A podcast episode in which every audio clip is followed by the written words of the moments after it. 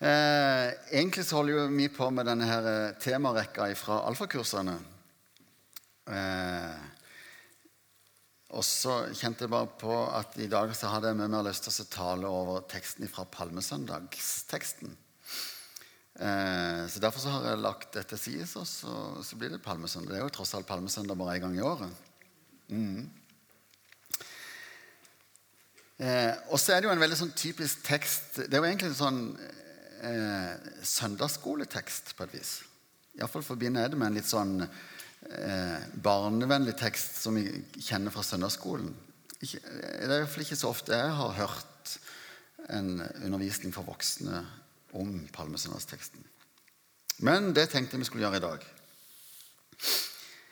Vi begynner med å lese jeg tenkte vi skulle lese den fra Markus-evangeliet. Alle de fire evangelistene har jo skrevet om palmesøndagen. Men vi leser fra Markus kapittel 11, vers 1 og så utover.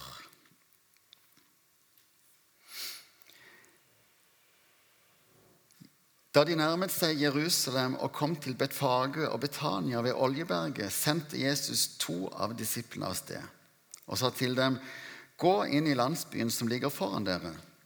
Straks dere kommer inn i den, skal dere finne en eselfole som står bundet, og som det ennå ikke har sittet noe menneske på. Løs den og før den hit. Og om noen spør hvorfor gjør dere dette, skal dere svare Herren har bruk for den, og han sender den straks tilbake igjen. De gikk av sted og fant folen bundet ved en dør ut mot gaten, og de løste den. Noen av dem som sto der, sa da til dem, Hva er det dere gjør? Løser dere folen? De svarte som Jesus hadde sagt, og da fikk de gå. Så førte de folen til Jesus og la kappene sine på den, og, satt, og han satte seg opp. Mange bredte ut kappene sine på veien, andre dekket den med grønne kvister som de hadde skåret på markene omkring. Både de som gikk foran og de som fulgte etter, ropte:" Hosianna, velsignet er Han som kommer i Herrens navn. Velsignet er vår far Davids rike som kommer. Hosianna i det høyeste. Han dro inn i Jerusalem og gikk opp på tempelplassen. Og etter å ha sett seg omkring overalt gikk han ut til Betania igjen sammen med de tolv, for det var alt blitt sent på dagen.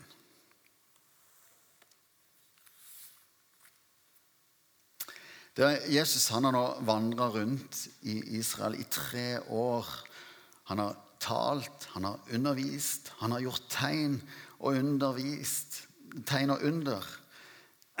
Og det er mange som har begynt å følge etter Jesus. Vi kjenner godt til de tolv disiplene som på en måte følger Jesus tett. Men det var mange flere enn det. Et sted så leser vi jo at Jesus sender ut de 72 disiplene. Og vi vet òg at det var en del kvinner med i dette følget. Eh, sånn at det var ganske mange som fulgte etter Jesus. Eh, og det var mange som hadde hørt om Jesus. Og bare sånn som, jeg tenker bare der, Den der lille detaljen med at, eh, at, når de kommer og løser denne folen, og de sier at men Herren har bruk for den, at de da får lov til å, låne med seg dette eselet tenker jeg, ok, de må, Men de må ha visst hvem dette var. De må ha hørt om denne her mannen. De må ha visst hvem disse disiplene hørte til. Samtidig så tror jeg, at det var mange som var skremt av Jesus.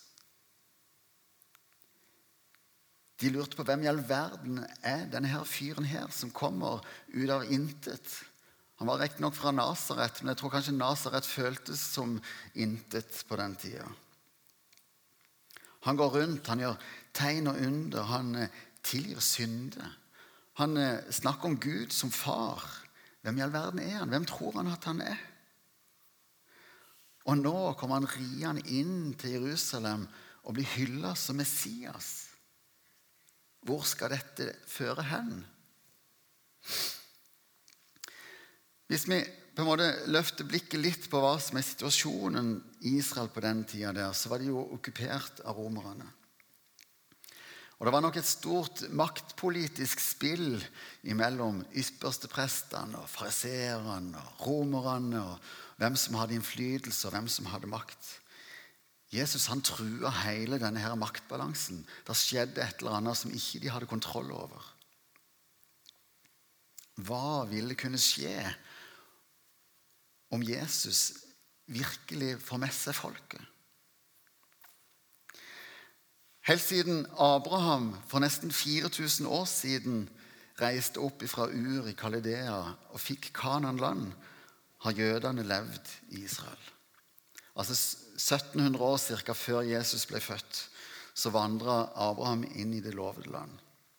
Og i, nesten, og i 1700 år har det vært hjemlandet til jødene. Riktignok avbrutt av en periode hvor de levde i Egypt.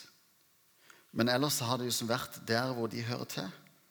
Det har i når snakker om, altså På Jesu tid så har det i 1000 år siden de store kongene levde. Det er ca. 1000 år siden Saul ble den første kongen som Israel. Og så har du David og Salomo, disse tre kongene som vi kan lese ganske mye om i Gammeltestamentet. Og, og David er jo blitt stående som den store kongen. Han som alle kongene er blitt sammenligna med siden. Han som var en mann etter Guds hjerte.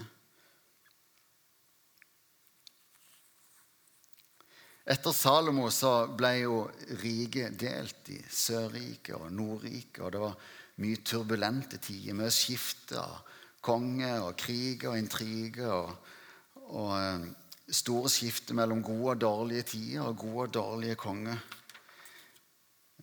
Eh, og i ca. 600 år før Jesus ble født, så kom eh, Nebukaneser. og den babylonske hæren. De kom og okkuperte eh, riket. Altså ble på en måte, de tok jo eh, folk i eksil. Kongefamilien og alle de med innflytelse eh, ble jo tatt i eksil til Babylon. Daniel var jo en av de som vi leser om i den tida der. Og så er det masse eh, forskjellige utfordringer framover. Bare 40 år etterpå så er det perseren som kommer. De eh, okkuperer Babylonia, og, og Eh, Israel blir underlagt eh, Kyros, kong Kyros av det persiske riket.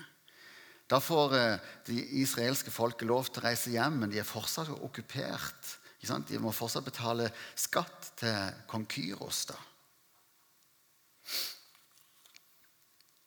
Og Så går det en del år til, og så er det den makedonske hæren og Alexander den store som okkuperer Persia og Midtøsten. Og, og de er underlagt per, nei, eh, den makedonske hæren.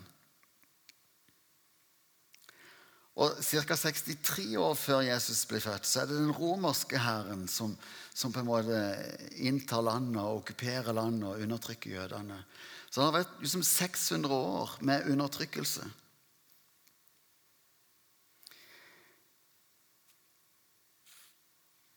Og nå venter de jo på er det noen som kan komme og befri dem.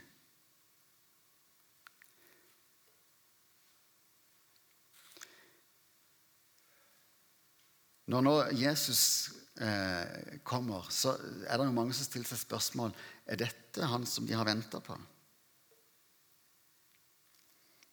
Og jeg tror både, Kanskje ikke romerne så mye, men kanskje spesielt presteskapet. De føler seg kjempetrua, fordi at Jesus han er jo ikke en av de. Eh, hva vil dette kunne føre til? Hvis nå Jesus får med seg folket og, og, og på en måte skaper opprør, hva vil det føre til? Alle jødene visste jo om profetiene om Messias, om den nye kongen som skulle komme. Han som skulle komme og frelse dem. Og folk lurte nå på er det, er det Jesus som er Messias. Og når folk nå roper i gatene 'Hosianna, du Davids sønn', så betyr altså det, Hva skjer?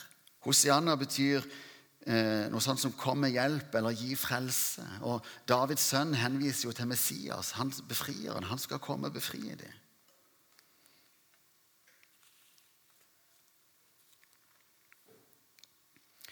Hele tida mens Jesus har vandra rundt, så har han ikke helt vilt bekrefte at han er Messias.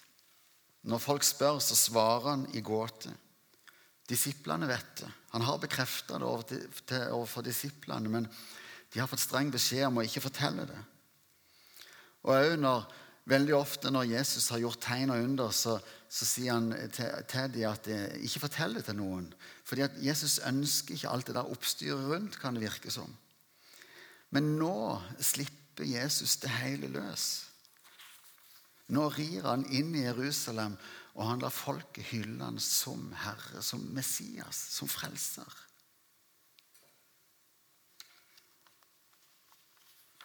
Det er noen fariseere deriblant de, de prøver å få Jesus til å, stoppe disiplene. For dette, her er jo uhørt. Dette er jo gudsbespottelse. Eh, men Jesus svarer de at dersom de tier, så skal steinene rope. Med andre ord hele skaperverket lovpriser Gud på palmesøndagen. De lovpriser Jesus som Messias som kommer. Ingenting kan holde igjen.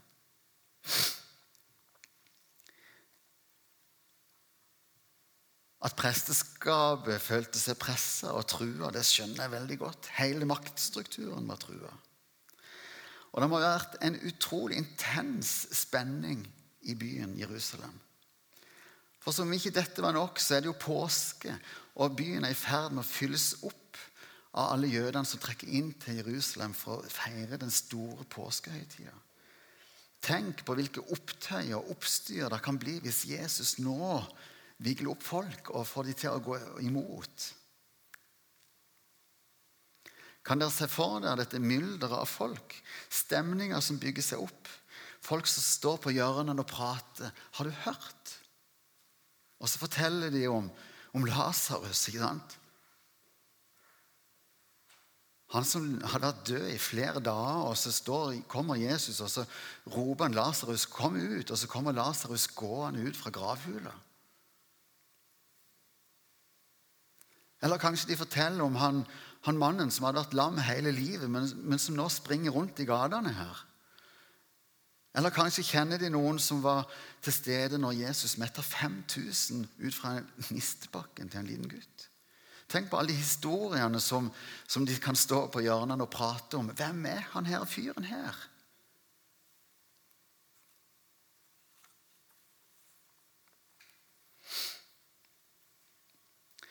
Alle jøder har helt siden de ble født, blitt fortalt at en dag så kommer det en ny konge, en ny David, som skal sette folket fri. Som skal fri oss fra disse undertrykkerne. En mann etter Guds hjerte som skal frelse israelsfolket. Er det han som er kommet nå? Er dette Messias? Jeg har ofte undra meg på hvem var det de trodde Jesus var når han kom der inn på, den, på dette eselet.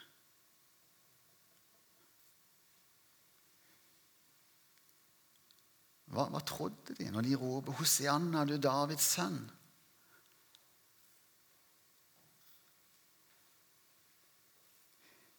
De roper, jubler, legger kappene foran og palmeblad som en rød løper, som for en konge. Og så er det bare noen dager seinere så roper de 'Korsfest', 'Korsfest'. Hva var det de så for seg?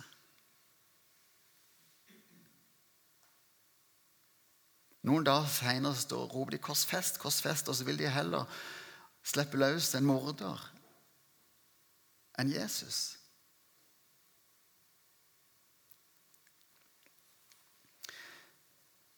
Mest sannsynlig var det mange som trodde at han skulle bli en fysisk konge, kanskje en hærfører. Kaste ut romerne og undertrykkerne. Sørge for stabilitet og trygghet. Sikre økonomisk velstand. Jødene de hadde hørt om Messias. De venta på Messias. De leste profetiene og prøvde å tyde på når og hvor kom han. De leide og ba til Gud om at Messias måtte komme snart. Og likevel så kjente de han ikke igjen. Han var en annen enn det de hadde forventa, og så mange gikk glipp av hele Frelseren. Er ikke det litt typisk oss mennesker? Vi er så innstilt på hva det er vi skal møte, at når det ser annerledes ut, så forstår vi ikke hva det er for noe. Vi kan be til Gud om et eller annet, og når Gud svarer på en annen måte enn vi hadde tenkt, så forstår vi ikke at det er Gud som svarer. Har vi forstått, har vi forstått hvem Gud er? Har vi forstått at Jesus er Messias? Han er frelseren. Har det gått opp for oss hva det betyr? Hvem er det vi hyller når vi synger lovsanger her? Hvem er det vi tilber? Når vi nå feirer påske, hva er det vi feirer? Hvem er Jesus for det? Litt tidligere her så hadde vi temaet 'Hvem er Jesus?' Og Det som betyr noe, er jo på et vis ikke hvem Jesus er, det er hvem du sier at Jesus er. For det er først når du sier at Jesus er herre i ditt liv, at det betyr noe for det.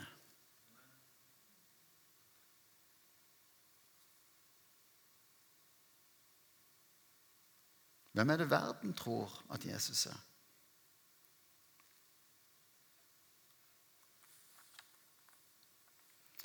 Martin Cave sier ofte at de fleste har ikke sagt nei til Jesus. De vet bare ikke hvordan han ser ut.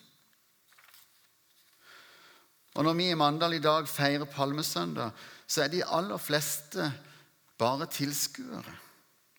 De vet ikke helt hva som egentlig skjer, annet enn at det er vår og påskeferie, og syns det er deilig med noen ekstra fridager. De fleste vet nok kanskje at det handler om Jesus og korset og noe sånt men har ikke helt greie på hva dette egentlig er for noe. De har ikke satt seg inn i det. Veldig mange kan kanskje gå med på at det fins en Gud. En som har, står bak skaperverket, en som har skapt.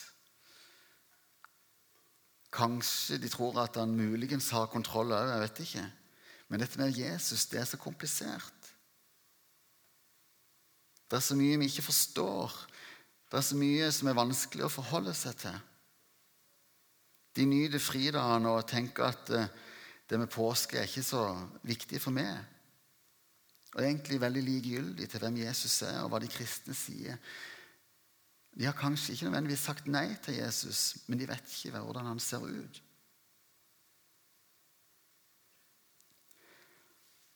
På palmesøndag i Jerusalem så tror jeg at det òg var mange tilskuere. Det var nok en del som, som deltok i dette opptoget. Og det var nok en del som lovpriste Jesus. Og det var nok en del av de som hadde forstått hvem han egentlig var. Men mange sjøl av de hadde ikke forstått hvem han var. Men de aller fleste ser jeg for meg sto på trygg avstand og betrakta det hele og lurte på hva som skjedde for noe. De var kanskje ikke så likegyldige som folk er i dag. Jeg tror det var for radikalt og for eh, spennende, det som skjedde. Eh, men jeg tror de aller fleste sto og betrakta det hele litt på avstand og lurte på hva dette var for noe.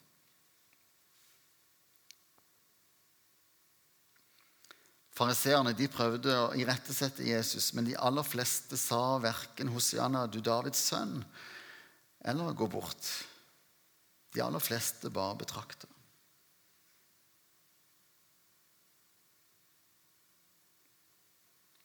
Jeg tror det er litt sånn som i dag, at de aller, veldig mange de har ikke nødvendigvis sagt nei til Jesus, men de vet ikke hvordan han ser ut.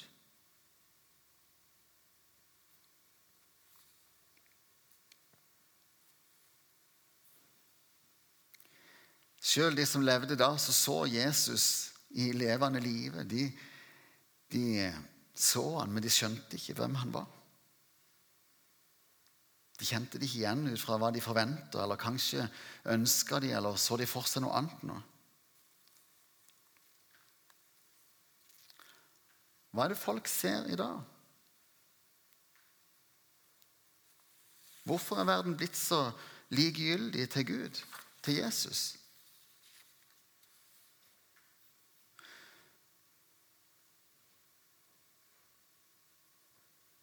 I dag er det ekstremt mange som står på sidelinja og betrakter det hele. Hva er det de ser? Hva kan vi gjøre for at flere kan se Jesus som den han er? Hva kan vi gjøre for at folk skal flytte seg fra å være tilskuere til å bli tilbedere av Jesus? Hvordan kan menneskene rundt oss få se hvem Jesus er?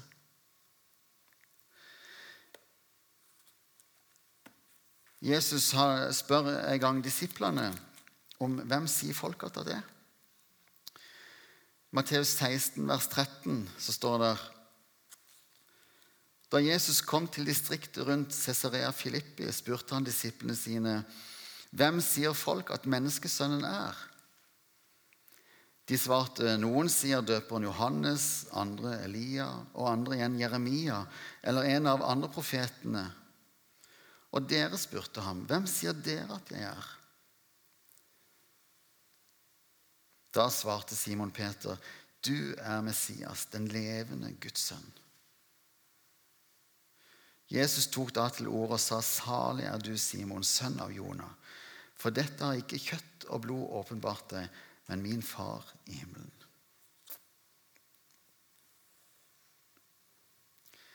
Så helt tydelig så er det det at vi ser hvem Jesus er, er jo noe som Gud må åpenbare for oss.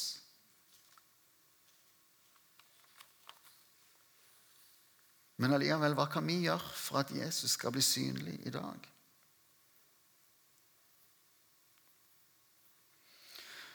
Verden rundt oss ser ikke Gud. De ser det skapte, men de ser ikke skaperen. De ser menigheten, de ser de kristne. Ja, de ser oss. Ja, de ser de kristne, men de ser ikke Kristus.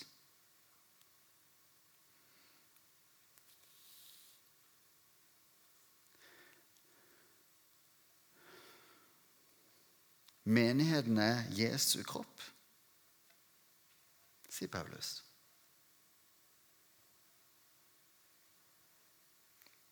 Vi er bildet av Gud her i Mandal. Kan de som er rundt oss, se Jesus i våre liv? Kan de se Guds godhet? Kan de se Guds hellighet? Elsker vi vår neste som oss sjøl?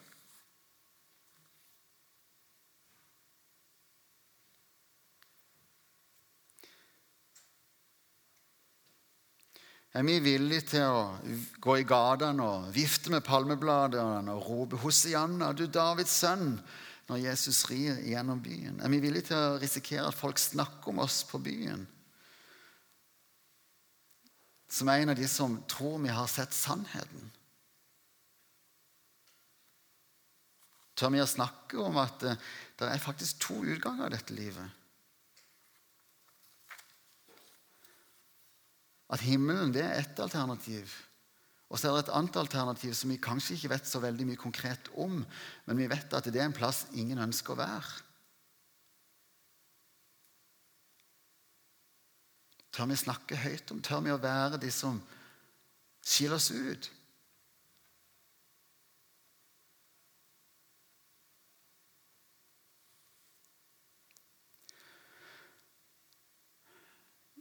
I dag så, så, stiller jeg mange spørsmål, og jeg har ikke svarene på alt dette. Og jeg, og jeg tenker Det er en sånn balanse oppi dette med, med, at både så er det Gud som må åpenbare for den enkelte hvem Jesus er, eh, og det er òg Gud som er virksom i våre liv eh, til å leve det livet som han har kalt oss til.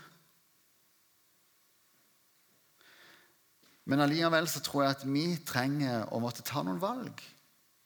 Vi trenger å bli rista opp av vår ja, egentlig likegyldighet.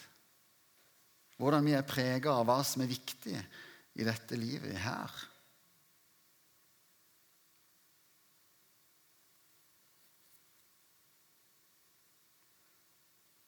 Hva kan vi gjøre for at alle mennesker skal få se hvem Jesus er?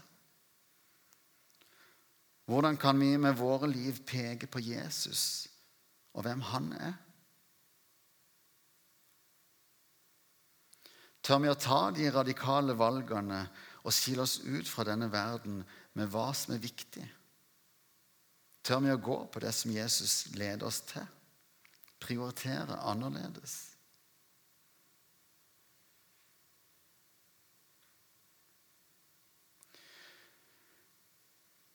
Hva kan vi gjøre for at hele byen skal få se hvem det er som rir inn i byen på et esel?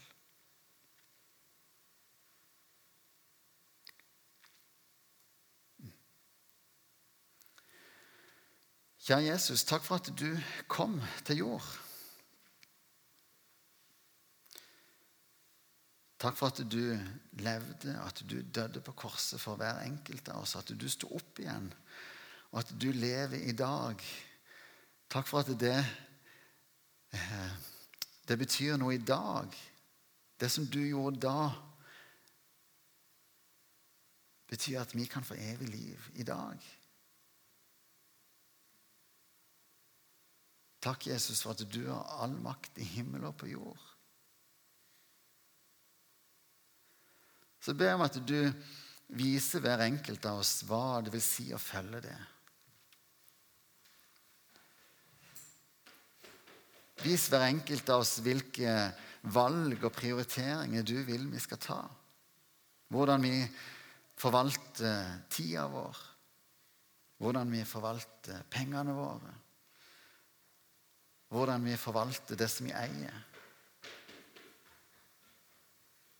Hvordan vi forvalter de gavene og utrustningene som du har gitt oss.